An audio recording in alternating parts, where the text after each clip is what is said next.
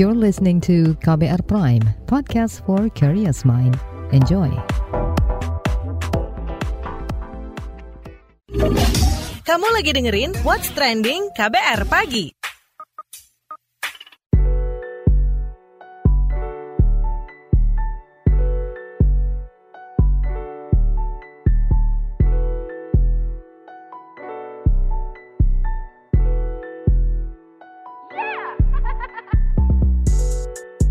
KBR Pagi, siaran pagi radio paling update. Selamat pagi, apa kabar Anda hari ini di hari Kamis 2 Juni 2022? Kembali lagi saya Don Brady menjadi teman pagi hari Anda semuanya di What's Trending KBR Pagi. Kita ngobrolin soal ranking pariwisata Indonesia di daftar dunia. Jadi Indonesia itu menempati peringkat ke-32 dalam Travel and Tourism Development Index 2021 yang dirilis World Economic Forum di Davos, Swiss akhir Mei kemarin. Peringkat ini lebih baik dibandingkan Travel and Tourism Competitiveness Index tahun 2019 yang juga dilaporkan oleh organisasi internasional independen tersebut. Menteri Pariwisata dan Ekonomi Kreatif Sandiaga Salahuddin Uno mengungkapkan bahwa ini prestasi dan patut diapresiasi. Sementara di Asia Pasifik, sektor pariwisata Indonesia berhasil masuk ke dalam 10 besar, tepatnya pada peringkat ke-8. Menparekraf Sandiaga menambahkan saat ini Kemenparekraf memilih wacana untuk membuat indeks perkembangan travel and tourism versi dalam negeri. Hal ini guna membangkitkan semangat pemerintah serta pengelola pariwisata baik di tingkat provinsi, kabupaten atau kota, hingga pedesaan. Nah sebelum kita obrolin soal ini, kita dengerin dulu seperti biasa komentar dari netizen plus 62 berikut ini.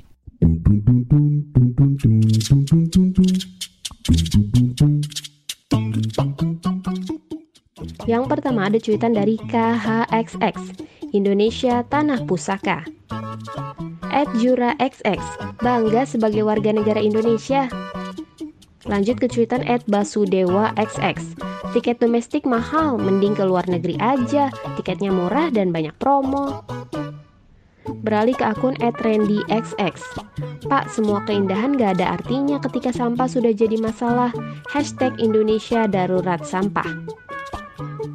Lanjut at Papih XX mencuit, Masya Allah, rakyat NKRI wajib bersyukur dan merawatnya.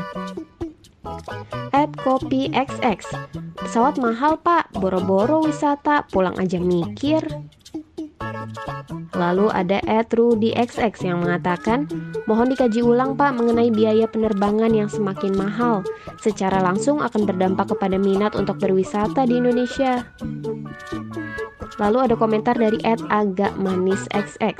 Negeri yang indah seharusnya dikelola dengan indah juga oleh orang yang mengerti keindahan agar adil dan makmur bisa tercapai. Lalu Ed NXX mengatakan, Iya pak, tinggal pemuda penerus bangsa peduli akan keragaman ini dengan cara memupuk jiwa nasionalismenya dan peduli sekitar. Terakhir ada cuitan irezuxx. Iya tapi promosinya kurang gencar pak. Turis mancanegara banyak yang belum tahu Indonesia. Mereka bahkan lebih kenal Vietnam, Filipina, atau Kamboja. Belum lagi kalau disandingin sama Thailand. What's Trending KBR Pagi. Kita lanjutkan obrolan kita pagi ini. Jadi dalam Indeks Perkembangan Travel and Tourism 2021 yang dilaporkan World Economic Forum, negara Jepang menduduki peringkat pertama dunia yang disusul oleh Amerika Serikat. Sementara untuk kawasan Asia Pasifik, ranking Indonesia masih berada di bawah Jepang, Australia, Singapura, Tiongkok, Korea, Hong Kong, dan Selandia Baru.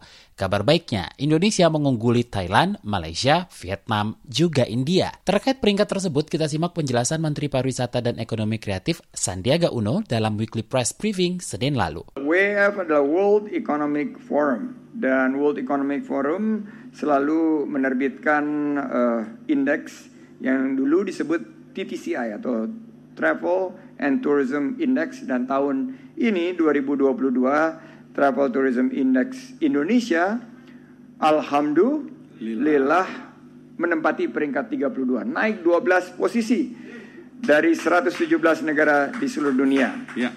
Dan 12 peringkat ini kita capai jika dibanding dengan backdrop daripada pandemi COVID-19 yang kita harus lalui dan begitu banyak kendala, tapi ternyata ada beberapa uh, poin yang kita berhasil lakukan secara uh, tentunya substantif dan kalau kita lihat di kawasan Asia Pasifik ini sektor pariwisata tanah air juga berhasil masuk deretan 10 besar menempati peringkat ke-8. Di atas uh, Indonesia ada beberapa negara tapi di ASEAN Indonesia masuk di posisi yang sangat bergengsi karena kita berhasil melampaui capaian dari negara-negara tetangga kita. Jadi di Asia Pasifik ini adalah kawasan dengan kinerja di sektor pariwisata tertinggi kedua di dunia. Dan Indonesia ada di posisi yang sangat uh, bisa dikategorikan uh, uh, luar biasa. Jadi congratulations guys. Ini saya baru lapor kepada Bapak Presiden Joko Widodo dan beliau meminta untuk uh, kita all out menyuarakan uh, prestasi ini bahwa di tengah badai pandemi, di tengah kesulitan yang kita hadapi, di tengah anggaran yang terus dikurangi, tapi kita bisa mampu meningkatkan indeks kita 12 peringkat uh, dan secara mantap dan signifikan ada di jajaran atas dari sektor pariwisata kita. Dan kita sekarang sedang mempelajari kembali indikator-indikator yang ada di tahun 2022 ini, bagaimana kita bisa meningkatkan lagi di tahun-tahun yang akan datang karena ada 112 indikator. Dan kita akan juga melibatkan kementerian lembaga yang lain terkait dengan pemutahiran data karena kita tidak bisa kerja sendiri. Betul. dan juga kita akan tingkatkan koordinasi lintas sektor kementerian lembaga termasuk juga akan merangkul pemerintah daerah dan kita akan mm-hmm. terbitkan sendiri juga yang versi Indonesia itu Travel and Tourism uh, Index atau indeks pariwisata dan perjalanan Indonesia untuk membangkitkan semangat mulai dari teman-teman di provinsi, kabupaten, kota sampai ke tingkat desa wisata. Sebelumnya Direktur Industri Pariwisata dan Ekonomi Kreatif Bapenas mengaku telah menyiapkan kebijakan untuk memulihkan sektor pariwisata Indonesia di tahun 2023. Direktur Industri Pariwisata dan Ekonomi Kreatif Leonardo Teguh Sambodo pada pertengahan Mei lalu mengungkapkan pihaknya telah menyiapkan rancangan kerja pemerintah di sektor pariwisata dengan fokus produktivitas untuk transformasi ekonomi yang inklusif dan berkelanjutan. Ini dia penuturannya. Kami di Bapenas uh, telah menyiapkan rancangan RKP tahun 2023 dengan fokus pada peningkatan produktivitas untuk transformasi ekonomi yang inklusif dan berkelanjutan. Fokus di peningkatan produktivitas merupakan salah satu tahapan di mana kalau tahun 2022 ini kita fokuskan kepada pemulihan, maka pada tahun 2023 mungkin kita bisa lebih bersiap memberikan landasan yang lebih baik untuk tumbuh secara berkelanjutan. Dan pada saat yang sama, karena bagian terbesar dari masyarakat terkena dampak dari pandemi COVID-19, maka perlu juga memperhatikan bagaimana kita bisa memulihkan daya beli, akses masyarakat kepada pelayanan dasar yang terus diperkuat, serta memperbaiki semua infrastruktur yang diperlukan untuk menggerakkan ekonomi kembali sehingga lapangan kerja uh, ini bisa di apa ditingkatkan pemulihan uh, jam kerja juga bisa ditingkatkan, uh, yang pada akhirnya daya beli masyarakat ini bisa dipulihkan. Ada delapan arah kebijakan yang akan dilaksanakan. Sebagian merupakan berfokus pada pemenuhan kebutuhan dasar dari masyarakat, kemudian juga penciptaan lapangan kerja, dan khusus untuk pariwisata ini difokuskan masih kepada pemulihan dunia usaha bagian yang uh, kami sudah rancang untuk pariwisata uh, dalam rangka untuk mendorong pemulihan yang lebih inklusif dan berkelanjutan tidak saja berfokus kepada bagaimana kita meningkatkan tenaga kerjanya tapi juga menyiapkan destinasinya bagaimana destinasi ini bisa disiapkan uh, sehingga bisa merespon tren-tren baru yang muncul pasca uh, pandemi COVID-19. What's trending KBR pagi? Newsbeat. Organisasi Kesehatan Dunia WHO ragu wabah cacar monyet di luar Afrika akan menjadi pandemi. Mengutip Reuters, WHO menyatakan masih belum jelas apakah orang yang terinfeksi tanpa gejala dapat menulari yang lain. Lebih dari 300 kasus suspek dan terkonfirmasi cacar monyet dilaporkan pada Mei 2022. Sebagian besar kasus berada di Eropa. Penyakit tersebut biasanya ringan, menyebabkan gejala seperti flu dan ruam khas yang menyebar melalui kontak dekat. WHO masih mempertimbangkan apakah wabah cacar monyet akan ditetapkan sebagai kedaruratan kesehatan masyarakat yang meresahkan dunia atau PHAIC. Status semacam itu serupa pada COVID-19 dan juga Ebola. Paus Fransiskus memimpin misa internasional untuk perdamaian di Ukraina dan di tempat-tempat lain yang dilanda perang. Pemimpin umat Katolik dunia yang saat ini berusia 85 tahun itu mengunjungi Basilika Santa Maria Maggiore di Roma pada Selasa 31 Mei 2022 dan berdoa di depan patung Maria Ratu Damai.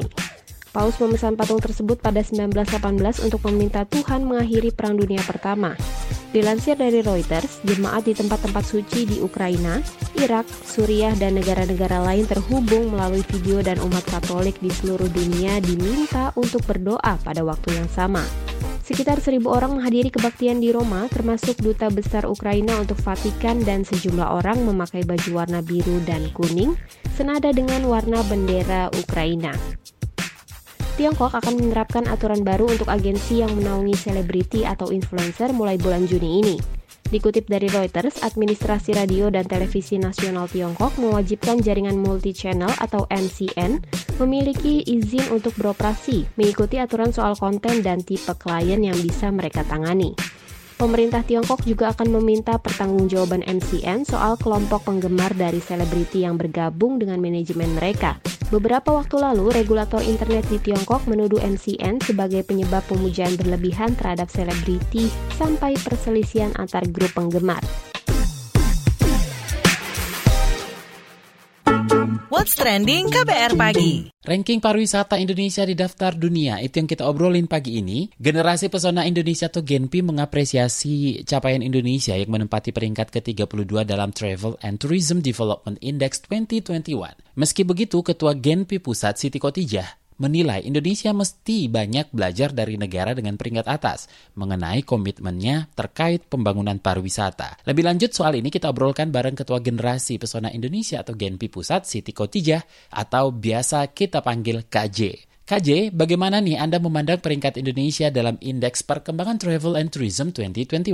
Baik, uh, jadi hal ini pertama-tama harus kita apresiasi jadi kalau dulu namanya Tourism Competitiveness Index, tapi sekarang kan jadi Tourism Competitiveness uh, Development Index ya Mbak ya. Dan saat ini kita ada di nomor 32.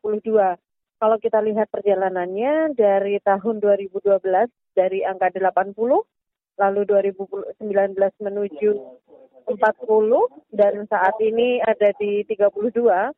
Nah ini adalah satu pencapaian yang sangat luar biasa dikarenakan juga saat ini pariwisata menjadi perhatian dan pembangunan di berbagai negara di dunia. Tentu pariwisata ini juga menjadi satu simbol di mana ini adalah penilaian dari berbagai uh, aspek seperti bagaimana pembangunan, arah pembangunan, lalu juga komitmen terhadap penjagaan lingkungan dan juga komitmen terhadap sustainable tourism. Seperti apa sih negara-negara yang jadi saingan Indonesia dalam hal ini? Apa saja keunggulan mereka? Ya, kalau dilihat dari persaingan dari negara-negara yang ada di atas kita khususnya, kita memang jujur harus perlu banyak belajar dari mereka. Salah satunya adalah komitmen tentang hospitality, lalu komitmen tentang uh, pariwisata sebagai sektor utama di uh, pembangunan di negara tersebut.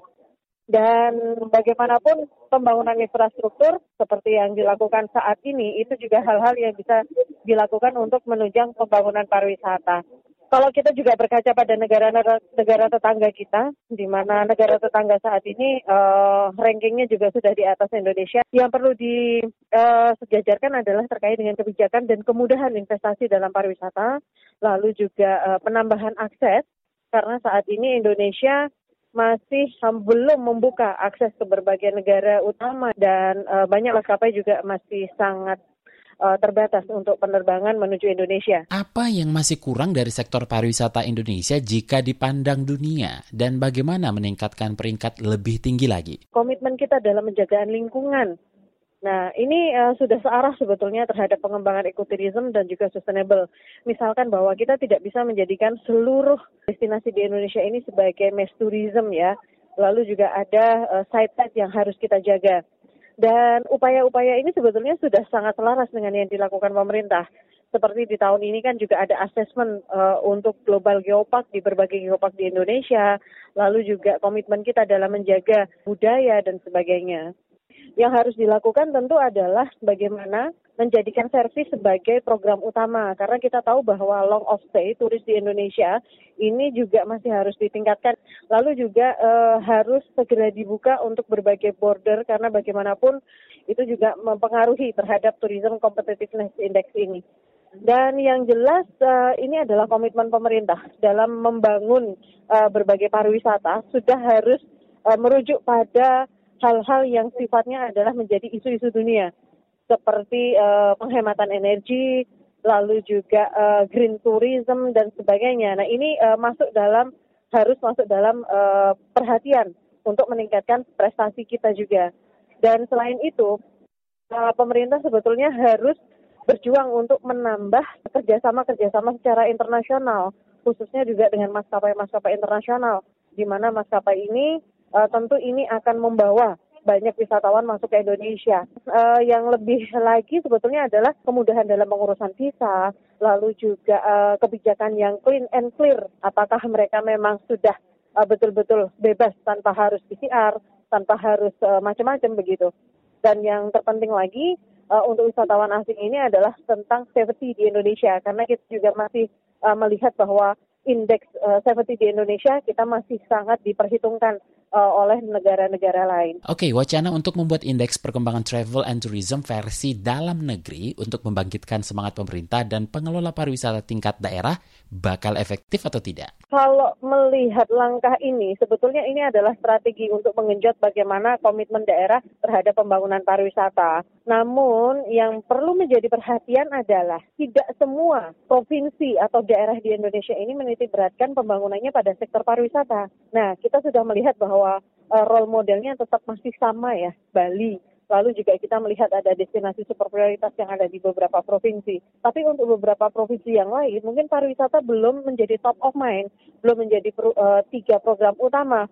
Sehingga ketika terjadi kompetisi, sebetulnya kita sudah bisa menebak sih ya hasilnya nanti akan seperti apa begitu. Kecuali, kecuali memang ada klaster sendiri daerah yang sedang berkembang, lalu juga ada daerah dengan klaster yang memang uh, pariwisata sudah menjadi uh, top program dari mereka begitu. Terima kasih Ketua Generasi Pesona Indonesia Pusat atau Genpi, Siti Hodija. What's trending KBR pagi? Commercial break. Commercial break.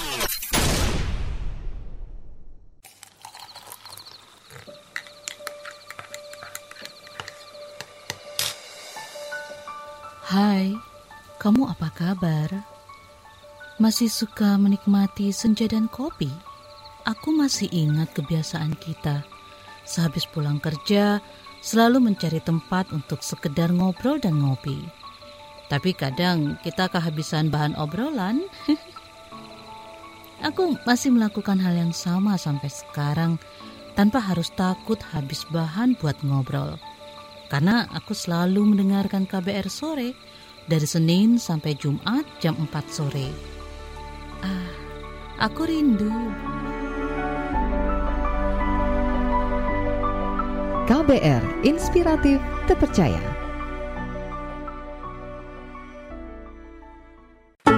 What's trending KBR pagi?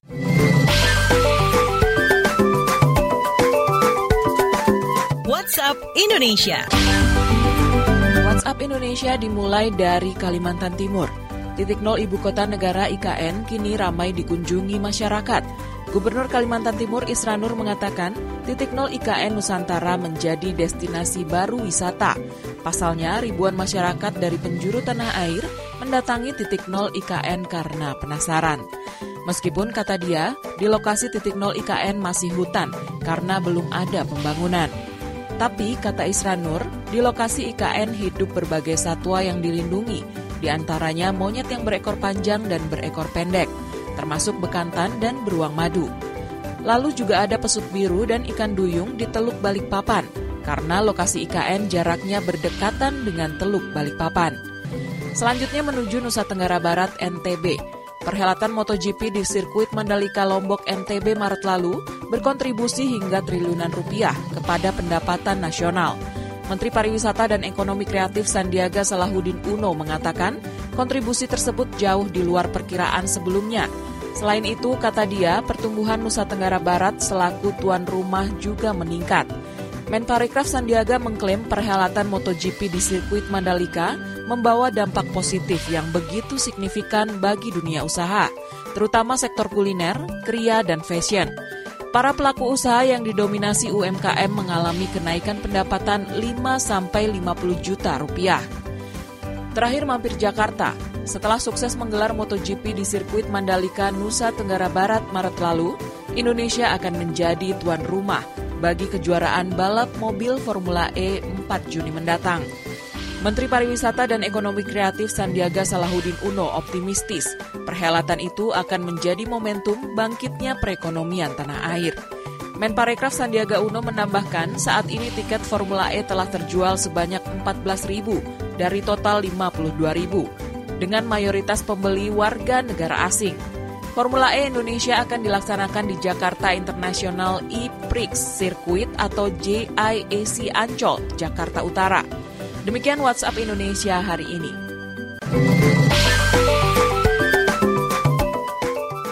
Demikian kabar pagi hari ini. Jika Anda tertinggal siaran ini, Anda kembali bisa menyimaknya di podcast What's Trending yang ada di Spotify, kbrprime.id, dan di aplikasi mendengarkan podcast lainnya. Dan Brady undur diri, besok kita ketemu lagi. Stay safe, bye-bye. Terima kasih ya sudah dengerin What's Trending KBR Pagi. KBR Prime, cara asik mendengar berita. KBR Prime, podcast for curious mind.